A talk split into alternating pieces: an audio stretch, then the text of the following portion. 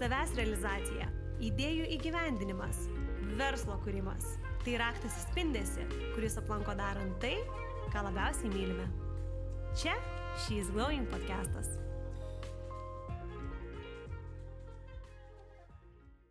Odorė Damorė leidžia atrasti naują Lietuvoje, tačiau pasaulyje pripažintą nišinę parfumeriją ir odos priežiūros priemonės.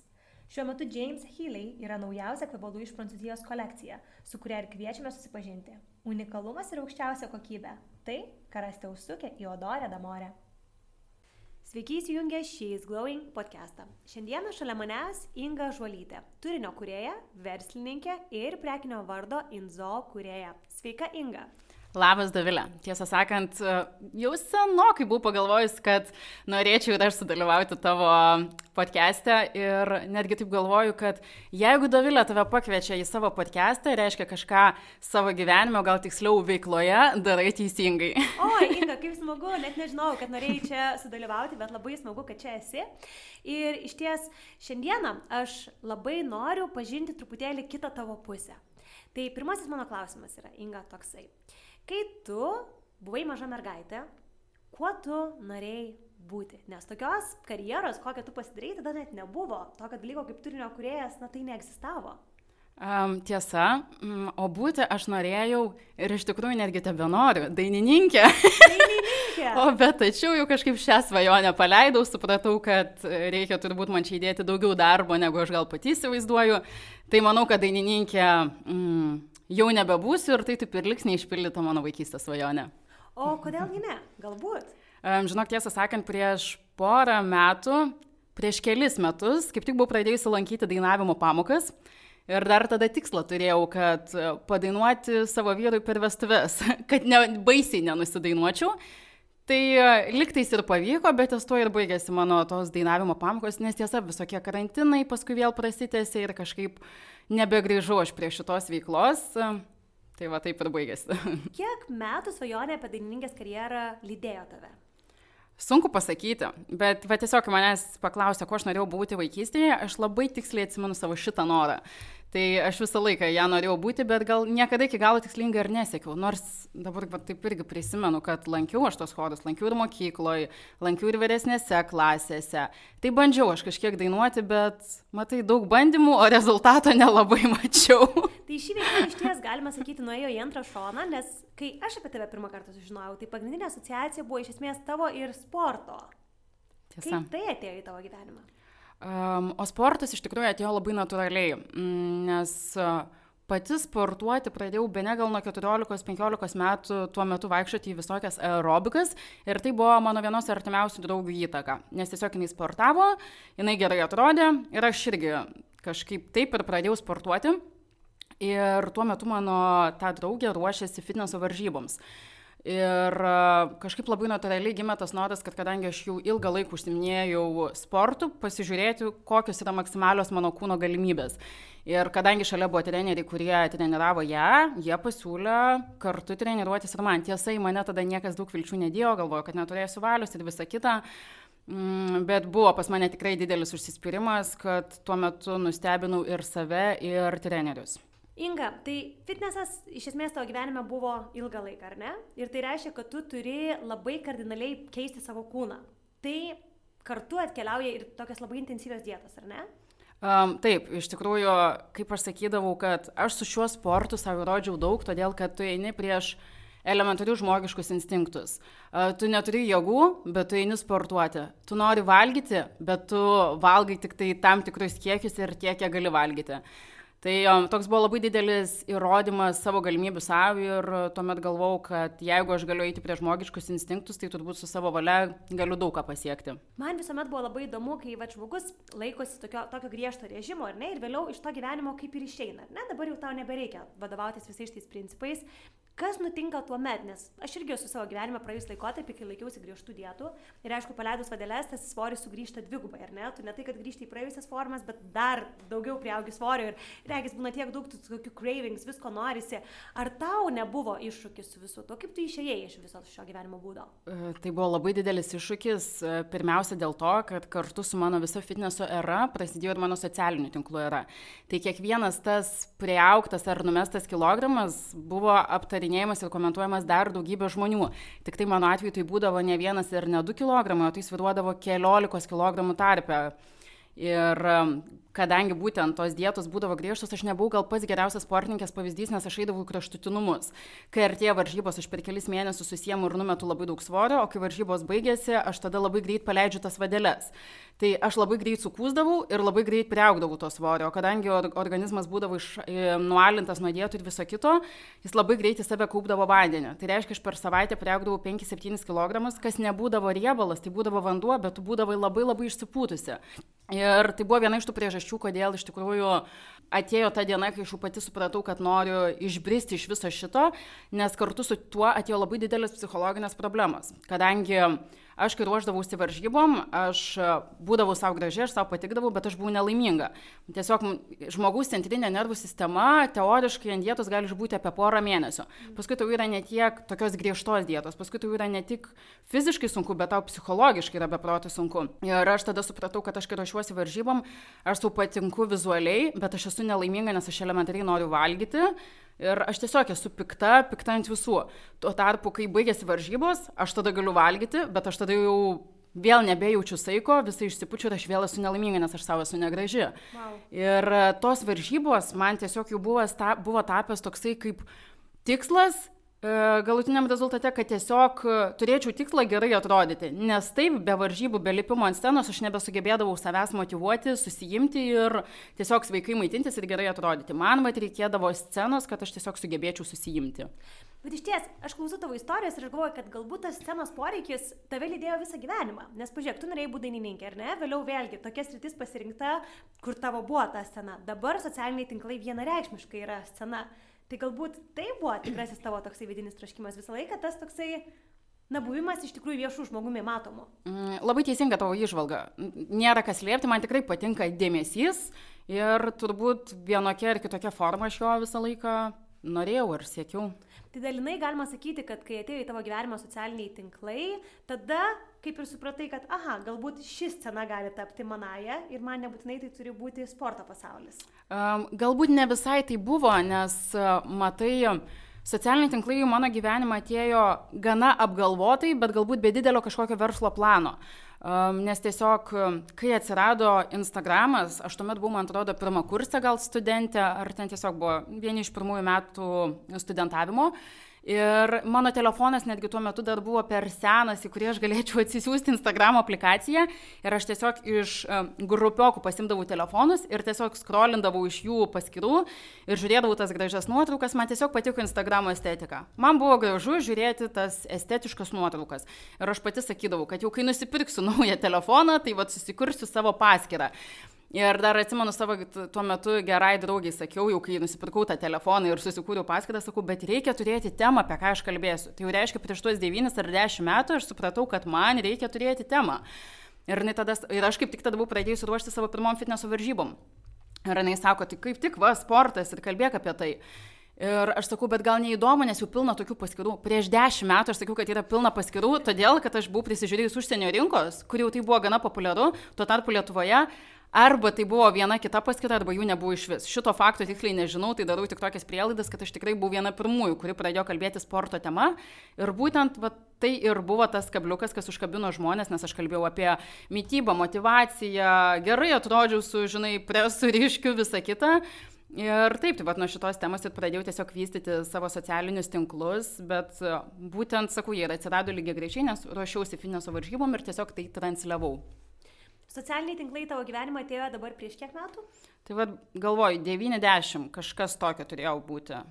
Ir Gal per... devyni, tikiuosi, tas dešimt jau toks didelis skaičius atrodo. Sena.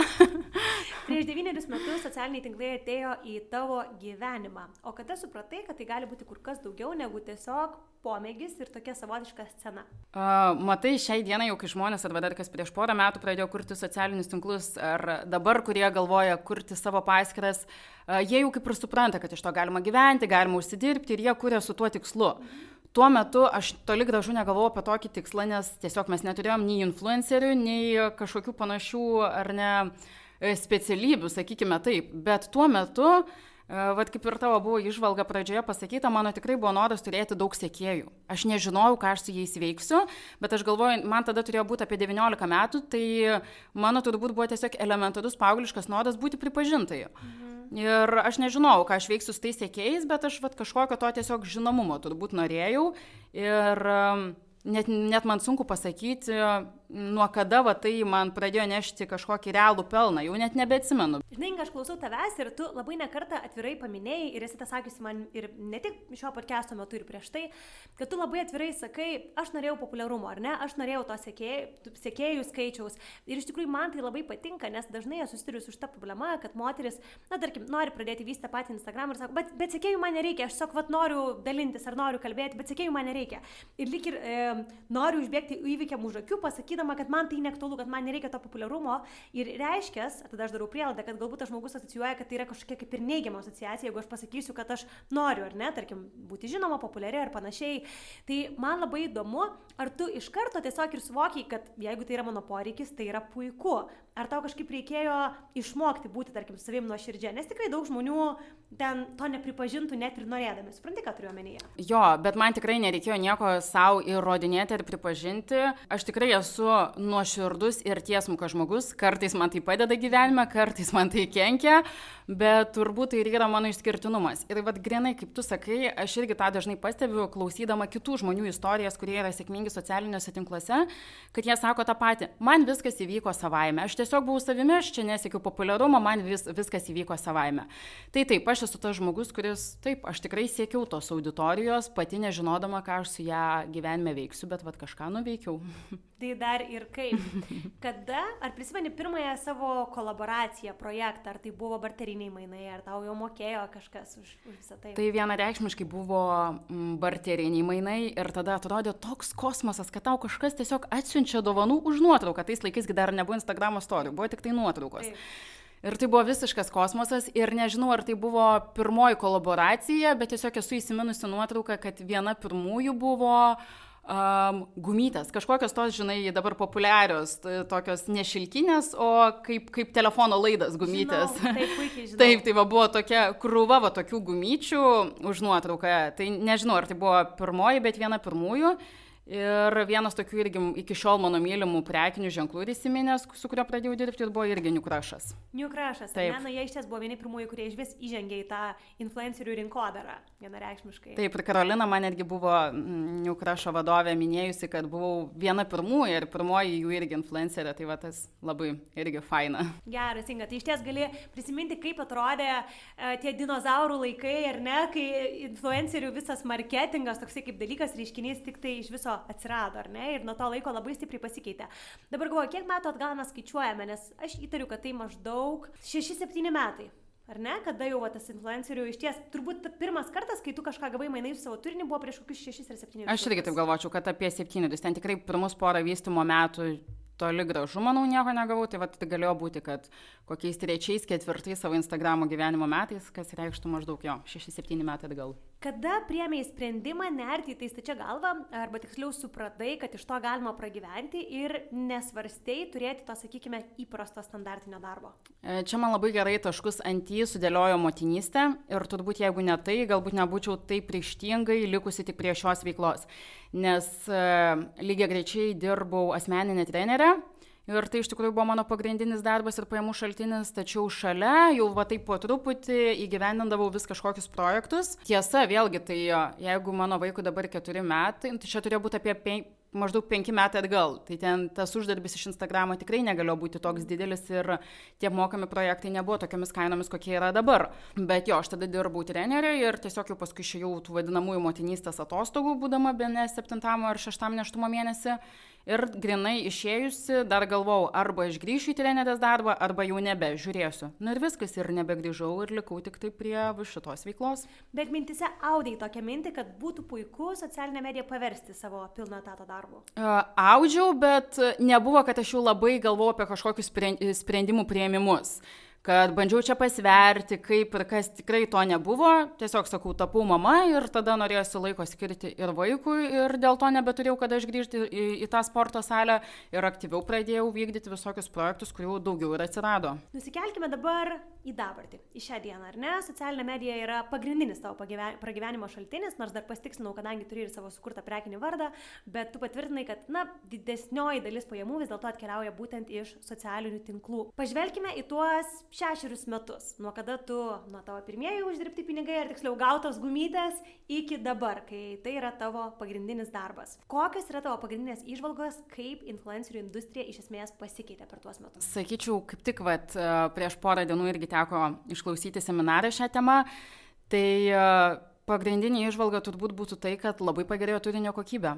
Ir jeigu anksčiau Instagramas buvo apie bet ką ir bet kaip, arba jeigu ne bet kaip, tai tik gražios nuotraukos. Tai dabar jau svarbu tapo ne tik vizualas, bet ir turinys. O kalbant apie visuomenės požiūrį, tikrai ne vienas žmogus, kurį pažįstu, kuris uždirba pagrindinius savo pinigus iš socialinių tinklų, drąsiai sako, kad mano tėtis arba teta net neįsivaizduoja, iš ko aš gyvenu iš viso. Kaip keitėsi požiūris, tarkim, tavo aplinkoje, žmonių, kurie žinojo, kad tu dirbi būtent su tuo. Ar jie iš karto tai suprato ir skaitė kaip normalų darbą, ar turėjo praeiti tam tikras laikas? Tikrai turėjo praeiti tam tikras laikas ir tikrai suprato ne iš karto, bet vad bendrai kalbant apie visuomenės požiūrį, tikrai vis dar yra daug žmonių nesuprantančių, iš kur galvojančių, kad šitie influenceriai labai lengvai uždirba pinigus ir uh, um, gal ir mums verta jais būti ar ne, bet uh, aš šiaip jaučiu visuomenės požiūrį jau besikeitimą į teigiamą pusę, kad vis dėlto vis daugiau žmonių supranta tą nematomo darbo pusę. Ir jau vis dėlto mažėja ta žmonių dalis, kuriems viskas atrodo taip paprasta, lengva ir kiekvienam įgyvendinama.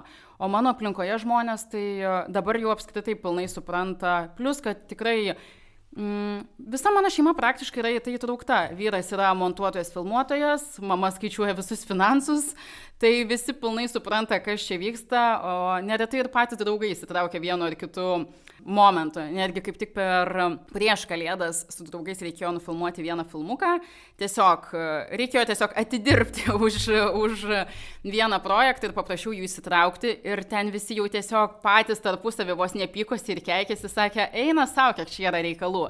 Tai geriausias įrodymas yra, kai dar savo aplinką kažkiek įtrauki, kad patys įvertintų, kuo aš čia užsiemu. Tai mano aplinkoje jau tikrai nebeliko tokie, tokių, kurie galvotų, kad čia nėra kas veikti. Na tai praskleisk tą šydą. Kaipgi atrodo turinio kurėjo diena? Na kasgi tam tokio sunkaus? Um, Atsikeli, išgeri kavytės, instagramiškai gražiai, viskas visą laiką labai atrodo, gražiai apsirengi, pasidarai porą nuotraukų. Ir viskas, diena tai baigta? Um, iš tikrųjų, būna šiaip, tiesą sakant, tikrai yra ir tokių dienų, nes gal ir yra fainoji šios veiklos dalis, tai dinamiškumas ir monotonijos nebuvimas. Tačiau jeigu kalbėti apie projektų gyvendinimą, tai viskas, aišku, prasideda nuo sutarčių pasirašymo, idėjos sugalvojimo ir gvildenimo kai sugal, sugalvoti idėją, netgi sakyčiau, gal čia yra viena lengvesnių dalių. Paskui, jeigu tu tikrai sugalvoji kažką genialaus, reikia apgalvoti, kaip tai gyveninti techniškai, reikia susirinkti įvairiausius rekvizitus. E, šaltuoju metų laikotarpiu Lietuvoje, kuris tęsiasi be ne pusę metų, įgyveninti laukia yra beveik nieko neįmanoma, todėl turi ieškoti lokacijų, turi surasti, kas tavį įsileis į tas lokacijas. Na ir tada prasideda jau filmavimai, montavimai, fotografavimai, kur vėlgi turi įdarbinti papildomai kitus žmonės, susirasti ten ar foto, fotografus, ar montuotojus. Mano atveju gerai, mano vyras yra išmokęs montavimo visokius įgūdžius ir tuomet dar seka, jeigu tai tarkim tos šiais laikais, šiomis dienomis labai populiarus Reels filmukas, ne Reels, Reels formatas, tai tuomet dar seka tos montavimo valandos. Tai iš tikrųjų, jeigu tai yra kažkoks didesnis projektas arba galbūt neapimtimi didesnis, bet kur yra sunkiau įgyvendinama idėja, tai jos išpildymas gali trukti ne vieną ir ne dvi dienas, kol, kol jis išvysta tą dienos šviesą, nes tai padarius dar jis turi praeiti visą komisiją, kuri patvirtina tą turinį. Ir ne visą laiką iš pirmo karto viskas tinka, žiūrėk, dar paskui taisyti reikia. Dabar pakalbėjai apie tokią labai techninę pusę, tačiau man taip pat labai smalsu vidiniai išgyvenimai, tas vadinamas heitas. Arba, jeigu ne heitas, tai bent jau, na, supratimas, kad tu esi visą laiką matoma viešumos, ar ne? Visi gali matyti, visi regi žino, kas vyksta tavo gyvenime, arba bent jau įsivaizduoja, kad žino. Papasakok apie tą pusę, ar buvo kažkokių sunkumų, ar galėtum save priskirti prie tų influencerių, kurie sako, ne, aš tikrai nereaguoju jautriai jokius komentarus, man nusišvilpta, aš tiesiog einu savo keliu. E, šiai dienai aš esu antrojo tipo influenceris, kurį ką tik apibūdinai, bet iš tikrųjų, uh, vad grinai, aš jau esu tas žmogus iš dinozauro laikų, aš jau jaučiuosi netgi pakankamai sena influencerė, kuri jau tikrai užsiaugino, žinai, tą storą odą. Bet e, bendrai sakant, šita veikla yra būtent dėl psichologinių išgyvenimų tinkama ir skirta tikrai ne kiekvienam ir todėl neretai turbūt galim ir matyti, kai vieni influenceriai yra aktyvesni ar pasyvesni, turbūt va, dėl atitinkamų psichologinių priežasčių, bet iš tikrųjų visko buvo ir tikrai buvo laikotarpis, kai aš labai daug išgyvendavau ir labai stipriai ir labai stipriai imdavau į galvą, ko pasiekoje kentėdavo ir šeima, ir vyras, nes dėl mano visų išgyvenimų, bet šiai dienai, kaip aš sakau, nežinau, ką reiktų pasakyti man, kad tu mane įžeistum, bet jeigu ir žinočiau, nesakyčiau, ką reikia man pasakyti, bet iš tikrųjų tikrai kažkaip išmokau absoliučiai šimtų procentų nuo to atsiriboti ir visiškai prie savęs neprisileisti to negatyvo. Net jeigu, net jeigu aš matau, kad gaunu kažkokią žinutę, mm, kurios man nepatinka pradžia, žinai, kaip Instagram'e galima matyti tik tai kelius žodžius. Jeigu jinai man įtartina, viskas aš ją iš karto atrinu. Jeigu matau, kad yra screenshotai, kurie irgi ten pradžiai būna per blurą iš tam tikrų platformų, aš irgi trinu, aš neskaitau. Tai aš visiškai prie, prie savęs neprisileidžiu jokio heito, komentarų pasraipsnis aš neskaitau. Nors jeigu ir paskaityčiau, per daug dėl to nepergyvenčiau, nes tu supranti, kiek tai yra nekritiškai, ne, ne ta informacija, kurią galima vertinti kritiškai. Tai e, ne visada tokia buvau ir man reikėjo išmokti ir užaukti kito, kaip jaučiuosi dabar, bet šiai dienai dėl savo psichologinės būsenos, būtent kas liečia komentarus ir heitą, esu pakankamai stipri ir pasitikinti. O, o kaip tu manai, ar situacija Lietuvoje gerėja ar atvirkščiai? Kalbant apie tai, vat, kokių komentarų susilaukia žinomi žmonės ar žmonės galbūt auditorijai išmoksta gražiau, subtiliau reikšti komentarus, ar net kažkokią galbūt kritiką, ar manai, kad to heito tik tai daugėja? Iš tikrųjų, aš nemanau, kad situacija apskritai keičiasi, nes manau, kad žmonių buvo ir bus visokių. Tai e, manau, kad tiesiog yra tikrai žmonių, kurie parašo adekvačią kritiką. Na, elementariai, va šiandien sulaukiu vieno pavyzdžio iš žmogaus, kuris man parašė, mm, jog padariau gana grubę gramatinę klaidą savo įrašę, bet jis man parašė asmeninę žinutę. Tai va čia yra ta kritika, kur tu supranti, kad žmogus tau tikrai nuoširdžiai vad nori kažką patarti. Yra viena, kai tau rašo asmeninė, asmeninėmis žinutėmis, žinutėmis ar ne tokius pastebėjimus, o kita, kai ten komentaruose tau sako, ką tu čia žinai, parašiai, žinai, ištaisyk, net nemokė. Na, prasme, tai tikrai e, galima e, ir verta yra išsakyti tam tikrą kritiką, tik reikia žinoti, kaip ją išsakyti. Tai va tokius pastebėjimus aš netgi su mielu noru priemu, O šiaip žmonių yra ir bus visokių. Ir aš taip galvoju, jeigu tu bijai, kad tave apkalba, bijai plėtkų ar panašių dalykų, nu tai neiktų į tuos socialinius tinklus. Ta prasme, plėtka yra žmonijos varomoji jėga. Jie visą laiką buvo ir bus. Nu, būkim bėdni, bet teisingi, kaip aš sakau, juk mes, kai susitinkam savo draugų rate, ar ne, vis tiek mes kažką apkalbam. Mes to nedarom viešai, bet, nu, daugiau ar mažiau vyksta kažkokie tokie Uh, tokie dalykai. Tai tiesiog žmonės, kurie galbūt neturi su kuo pasikalbėti, plus tu esi viešas žmogus, jis tą išsako kaž, savo nepasitenkinimą kažkokį viešai. Bet iš tikrųjų, nu, tai čia tiesiog yra elementari logika. Jeigu tu negali to atlaikyti, ar galvoji, kad to net laikysi, uh, tai neik į socialinius tinklus, bet irgi verkti dėl to heito, nu tai jeigu taip yra, tai, nu, tai tiesiog tada reiškia, tai nėra tau, jeigu tu negali su tuo susitaikyti. Kaip manai, kiek yra socialiniuose tinkluose realybės ir kiek feiko? Manau, labai priklauso vėlgi nuo žmogaus. Tai jo, tiesiog priklauso nuo žmogaus. Tikrai ten yra ir feiko, yra ir realybės. O ar turi su šia veikla susijusių kažkokių baimių? Pavyzdžiui, baimė būti nebeaktualia. Manau, kad baimė būti neaktualiai egzistuoja. Manau, kad tikrai yra toks dalykas. Tai va turbūt todėl dauguma irgi mano kolegų visi kalbam apie tai, kad reikia turėti planą B. Ką tu darytum, kas būtų, jeigu būtų. Tai bet tu pažiūrėk į didžiąją dalį žinomų žmonių, ar ne, ten iš dešimt metų atgal dainininkai ir atlikėjai, kurie buvo aktualūs ir šiai dienai yra užmiršti. Tai Ta prasme, ir mūsų rinkoje atsiranda naujų influencerių, tie senesni tampa nebe tokie aktualūs. Tai aš visiškai, nu, ta prasme, tai suprantu, gal nebūtų tikslinga sakyti, kad aš to bijau, aš tiesiog suprantu, kad tai tikrai gali įvykti. Tai tiesiog reikia turėti planą B ir sprendimo būdą, ką tu darysi, kad uh, tokiu atveju ir tada nebelieka tos baimės. O kaip manai, kokie žmonės iš esmės pat patraukia visuomenės dėmesį? Kodėl tik tam tikra maža maža dalis tampa influenceriais, turinio kuriejais? Kaip aš sakau, unikaliem ir autentiškiam žmonėm visą laiką bus vietos pasaulio ir visą laiką bus vietos tose mūsų socialiniuose tinkluose. Ir kai jau atrodo, kad visos temos apkalbėtos, kad jau tiek daug yra kuriejų socialinėme tinkle, būtent nutinka taip, kaip tu ir sakai, atsiranda visa ne kažkoks, kuris šoka į viršų. Tai kodėl taip yra, nes jis pasiūlo arba tokią nišinę temą, apie kurią niekas anksčiau nepagalvojo ir kurios rūko Lietuvoje, arba jis yra toks uh, autentiškas, toks unikalus, kur, kuris patraukia irgi mm, žmonės būtent dėl savo asmenybės. Kai aš pradėjau savo socialinius tinklus, kaip ir minėjau, tai prasidėjo nuo sporto tematikos, nes tuo metu buvau aš pirma arba viena iš pirmųjų, kurie apie tai kalbėjo. Šiai dienai, jeigu aš pradėčiau vystyti savo Instagramą sporto tematiką, aš nežinau, kaip aš turėčiau tą daryti iš tikrųjų, kad aš būčiau tokia įdomi, kad, kad užsiauginčiau didesnį auditoriją. Tuo metu aš buvau viena pirmųjų. Tai tiesiog šiai dienai irgi reikia pagalvoti apie tai, Tiesiog arba būti savimi, nes iš tikrųjų nu, mes visi esame unikalūs ir su savo asmenybėm tikrai galim pritraukti tą auditoriją, kuri mūsų supranta, tik daug mūsų bijo parodyti būtent savo tą autentiškumą. Bet Inga, žinai, iš ties esi tikrai Instagramo vilkė, drąsiai galiu taip sakyti. Tai jeigu dabar tu duočiau tokią... Veteranę. Už... Veteranę. Bet tikrai, tikrai, esi vienareikšmiškai viena pirmųjų ir e, ta tavo tokia, žinai, iš tikrųjų Instagramo šlovė, jinai nedingo, tu sugebėjai ją išlaikyti per tiek metų, tai tu turi daug patirties. Tai vad man labai įdomu, Inga, aš tau duodu tokią užduotį, merginai, kuri nori pradėti vystyti savo Instagramą, ką tu jai patartum? Pagrindiniai tavo patarimai, jinai dabar yra nulis sekėjų, naujas profilis, bet jinai nori surinkti sekėjų bazę. Tavo to patarimai. Um, pirmas patarimas tai būtų tai, apie ką jau užsiminiau, kad turėti aiškę savo nišą ir žinoti tiesiog apie ką kalbėsi, nebūti apie bet ką. Tai reiškia, kai tu esi nulis ir e, sugalvosi tapti tiesiog eiliniu blogeriu, na nebus, ar ne, niekam įdomu stebėti tavo kasdienybę. Tai pirmiausia, turėti aiškę savo nišą. E, antras dalykas pradėti nuo kokybiško turinio, o ne nuo reklamos e, influencerių kanaluose ar kažkur kitur, ką man dažnai tenka išgirsti, kad visi galvoja, nesvarbu, kad tu keliu, pasireklamuosiu kažkur ir va užsiauginsiu auditoriją. Tai iš tikrųjų reklamavimas jis turėtų būti paskutinis žingsnis po to, kai visi susidėlioja savo tam tikrą komunikacijos tinklelį.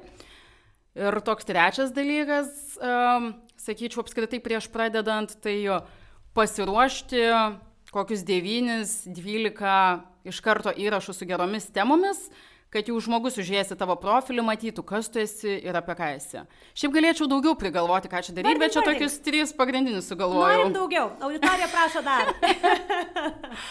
tokį užbaigiamąjį akcentą gal uždėsiu, kad e, nebijoti būti savimi ir nebijot parodyti savęs. Kažkaip daug irgi žmonių pradedančių, didžiausia, viena didžiausių baimių yra kalbėti per storius, nes niekas negali klausyti savo balso, niekas negali žiūrėti į save.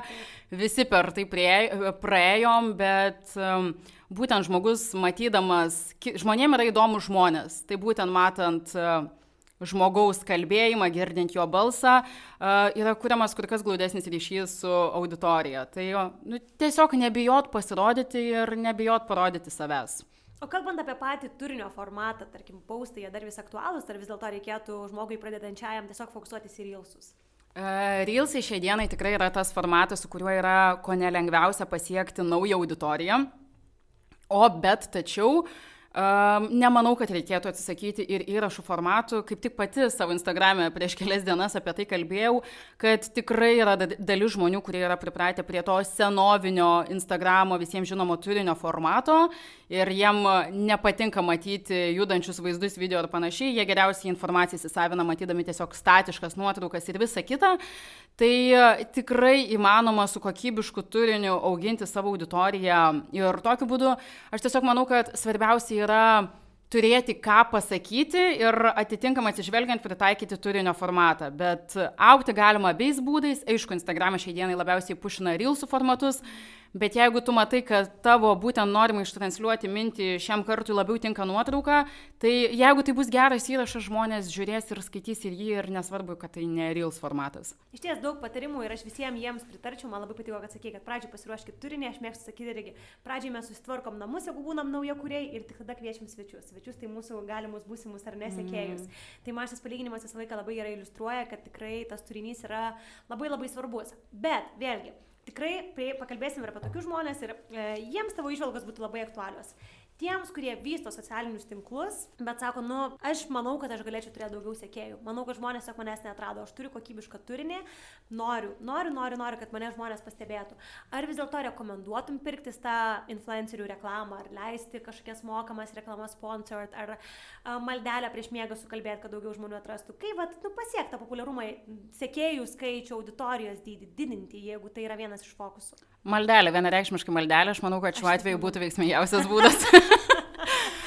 o jeigu rimtai, tai uh, tikrai, jeigu žmogus jau yra susitvarkęs savo tą visą Instagramo paskyrą, yra paruošęs to kokybiško turinio ir viskas, ko jam trūksta, tiesiog yra bendras žinomumas, uh, manau, kad tiek influencerio reklama, tiek tiesiog sponsored reklama yra, yra tinkami būdai, netgi su tiesiog nupirkta paprasta reklama irgi galima labai tikslinę auditoriją pasiekti. Tai abu dalykus galima išbandyti ir žiūrėti, kas tau veikia labiausiai. Um, renkantis influencerį, aišku, tada tiesiog reiktų apgalvoti, kuris jau tikrai atitiktų tavo stilistiką. Dar man labai smalsu, ką tu manai apie visą orą tarp Lietuvos influencerių? Ar ten yra pilna apkalbų ir konkurencijos, ar vis dėlto tai yra ganėtinai draugiški ryšiai, nes, na, galiausiai jūs visi dažnai pasimatote bendruose renginiuose. Aš manau, kad visko yra.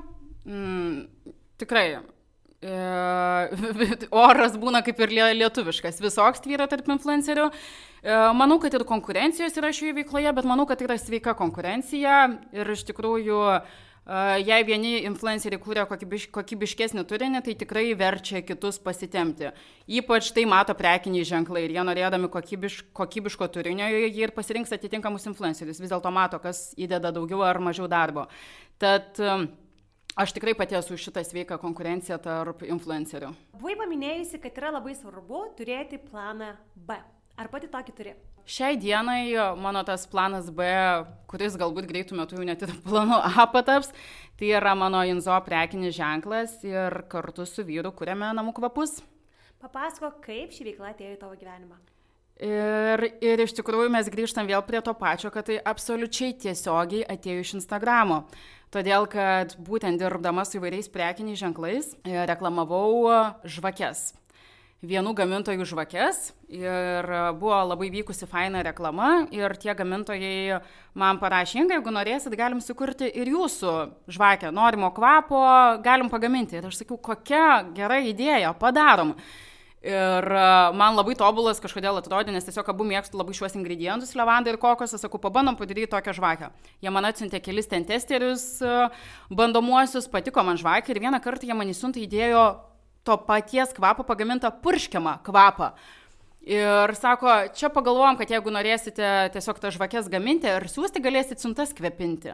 Ir aš sakau, žinokit, man labai patinka šitas kvapas.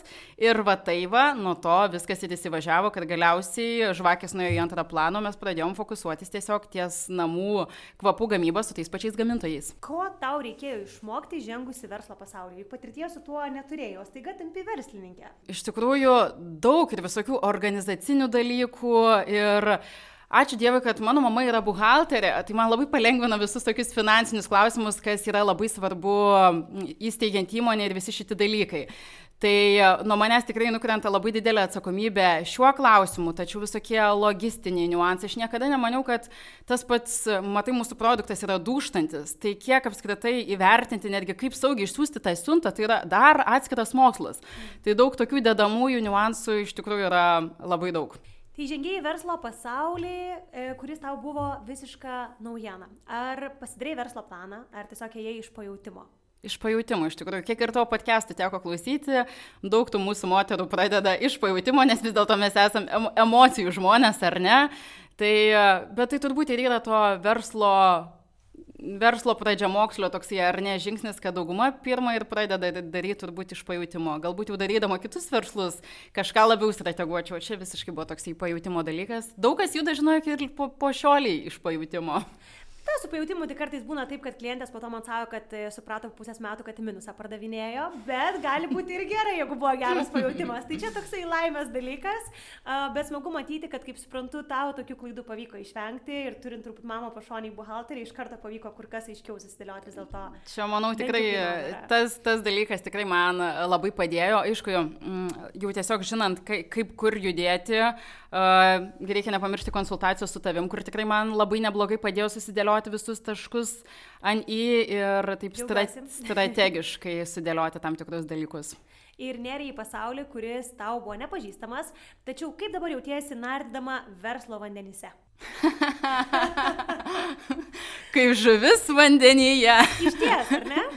Um, iš tikrųjų, ta prasme, matai, man patinka šita veikla, ką mes darome.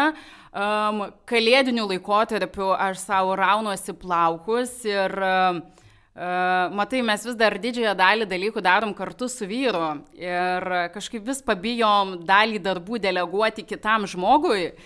Tai per kalėdas raunosi plaukus ir sakau, kad jau kitos kalėdos bus kitokios. Tai iš tikrųjų, jau kitos kalėdos tai tikrai bus kitokios ir su papildoma pagalba. Kaip tau sekasi dirbti su vyru? Nes čia girdžiu pačių skirtingiausių istorijų. Vieni savo, kad nėra žmogaus, kuriuo pasitikėčiau labiau ir esame tobulas duetas, kiti teigia, kad pabandė, nutarė, kad, na, namuose esame puikia komanda, bet tikrai nedarbe. Uh, matai, mes jau gal tiesiog buvome pripratę dirbti kartu. Vis dėlto socialinių tinklų turinys yra kuriamas kartu, tai kartu dar vystyti vieną papildomą verslą, atrodo, kitaip ir negalėtų būti. Jau čia tiesiog yra įpročio reikalas, man jau nežinai sunku pasakyti, ar be jo būtų geriau, nes aš pripratau, kad vat, mes viską darom kartu ir būna žinoma visko, bet kitaip tiesiog net nebeįsivaizduoju. Taip pat turi vyrą ir dar du vaikus. Tai yra dalykas, kur aš dažnai irgi pagalvoju, o jie, kai viskas bus, kai atsiras dar ir vaikas, kai regis ir taip to laiko, na, niekam nėra. Tai Inga, ką motinystė atnešė į tavo gyvenimą ir ar ji kažkaip padėjo suformuoti tave ir kaip turinio kurieja verslininkė? Motinystė mane iš tikrųjų privertė suaukti, labai labai greitai subręsti. Visą laiką norėjau būti jauna mama ir aš realiai susilaukiu pirmojo vaiko Dieną iki 24, tai nežinau, čia sakyti, ar 23 ar 24 man buvo. 23. Tai iš tikrųjų, nu jauna mergaitė dar, tai e, nori, nenori, tave vaikas labai greitai priverčia subręsti ir suaukti ir nešti da, daug daugiau atsakomybės. Kaip aš sakau, jisai mane mm, išmokė vaikščioti tylomis e, ant pirštų galiukų, išnapždėti, daug dalykų daryti viena ranka. Tai, žinai, yra tas posakis, I'm a mother, what's your superpower? Tai labai gerai va, apibūdina tai, ką, ką motinystė tau duoda. O kokiais ateities projektais gyveni?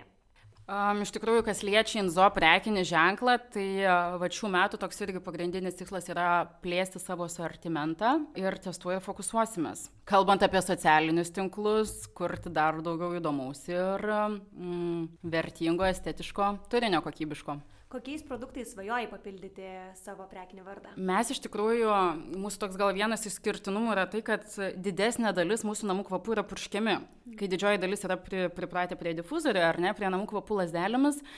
Tai netgi šiek tiek keičiam vartotojų įpročius su purškiamais kvapais, nes man tiesiog jie atrodo daug universalesni. Mm. Bet lygiai taip pat reaguojame ir į klientų poreikius ir yra iš žmonių jaučiamas tas poreikis šiek tiek ir daugiau tų kvapų lasdelėmis. Tai norisi praplėsti ir tiesiog pačiais kvapais asortimentą ir dar pasipildyti, kad būtų platesnis namų kvapų lasdelėmis pasirinkimas. O kaip tu supranti klientų poreikius? Kas tu padeda labiausiai juos suprasti? Ar tai yra feedbackas galbūt socialiniuose tinkluose, gyvas bendravimas su jais? Tai socialiniai tinklai čia tikrai padaro labai didelį darbą ir man labai palengvina dalykus, nes tikrai auditorija, klientai, kuriems patinka produkcija, labai nori parašo atsiliepimus ir dalinasi savo mintimis. Ta prasme, aš gaunu netgi atsiliepimų apie tai, ką aš galėčiau patobulinti savo internetinėme puslapyje, kad jis būtų dar patogesnis. Tai labai labai vertinu tokias žmonių reakcijas, bet vienas tokių irgi rimtesnių žingsnių ir tikrai, vad, kalbant apie vartotojų atsiliepimus, buvo labai vertinga patirtis būtent šiuo kalėdiniu laikotarpiu praėjusį gruodį kuomet viename priekybos centre turėjome savo namų kvapų salelį ir prekiavome namų kvapais, tai mums buvo tokia pirma patirtis, kai žmonės gyvai galėjo įsigyti mūsų fizinėme taške produktus. Ir tada tu realiai gali vertinti žmonės dabar uosto ir jie ir sako, jam patinka, nepatinka, kas patinka labiau, ar pauosto vieną kvapą, ten sako, nėra tokio lasdelėmis. Na, žinai, tai buvo labai labai vertinga patirtis, grinai pamatyti, kas žmonėm labiau patinka ir ko jie, ko jie norėtų daugiau. Ir iš tikrųjų netgi buvo labai įdomu stebėti tas reakcijas, nes e, internetinė, kalėdinių laikotarpių, pavyzdžiui, internetinėme, internetinėme puslapyje buvo populiarus vienas kvapas, tuo tarpu fizinėme taške, kai žmonės gali pauostyti gyvai, išpopuliarėjo visai kito kvapo pardavimai. Tai labai labai vertinga patirtis buvo, kur tikrai tą patį planuojam kartoti ir šiais metais. O kiek tavęs pačios yra šiame prekinėme varde? Nes galbūt dažnai žmonės gali galvoti, kad, na, influenceriam be pigų, paleidžia kažkokį tai produktą, visi už juos viską padaro ir, ir viskas sėkmingai važiuoja, nes jie yra populiarūs ir automatiškai gauna daug sklaidos. Šiuo metu visas šimtas procentų yra manęs, nes darau viską nuo užsakymų sužiūrėjimo, lipdukų atspausdinimo, supakuoja vyras, bet aš užrašau ranką į tvirutę o kodėl tau yra taip svarbu ir tu prieš tai minėjai, kad ar ne, kaip ir nebijome, nedrįstame galbūt to kito žmogaus įsileisti. Kaip manai, ką suteikia klientam, vat, galbūt tai, kad tu esi taip arti to prekinio vardo. Tai vad manau, galbūt jiems tai ir, irgi galimas daiktas, kad prideda tos e, papildomos emocijos, jog žino, kad daug ką padariau, aš vis dėlto produktą perka iš manęs, greičiausiai todėl, kad pas mane jį pamatė, bet iš kitos pusės tu žinai, kad, e, nu, nepadarys geriau, nors negaliu taip sakyti, vis dėlto visi turbūt yra savo srities profesionalai ir tam tikrus darbus tikrai kiti specialistai gali padaryti geriau. E, na, bet šiuo atveju tiesiog, kai tai yra tokie mažesni darbeliai, aš žinau, kad aš, juo, aš juos padarysiu nuoširdžiausiai. Na ir pabaigai, Inga, tiesiog labai noriu tavęs paklausti, ką tu palinkėtum tiems, kurie klausydami podcast'o uh, galvoja, wow, aš irgi norėčiau vystyti savo socialinius tinklus ar pradėti savo verslą, tačiau kažkas mane visgi stabdo. Ką pasakytum jiem?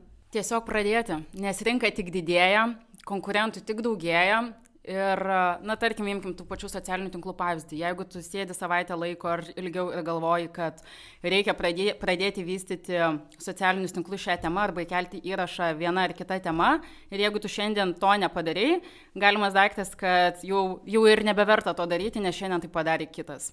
Tai tiesiog nedvėjoti ir daryti ir mažiau galvoti, ką pagalvos kiti vienareikšmiškai daryti, daryti ir daryti. Pats geriausias palinkėjimas.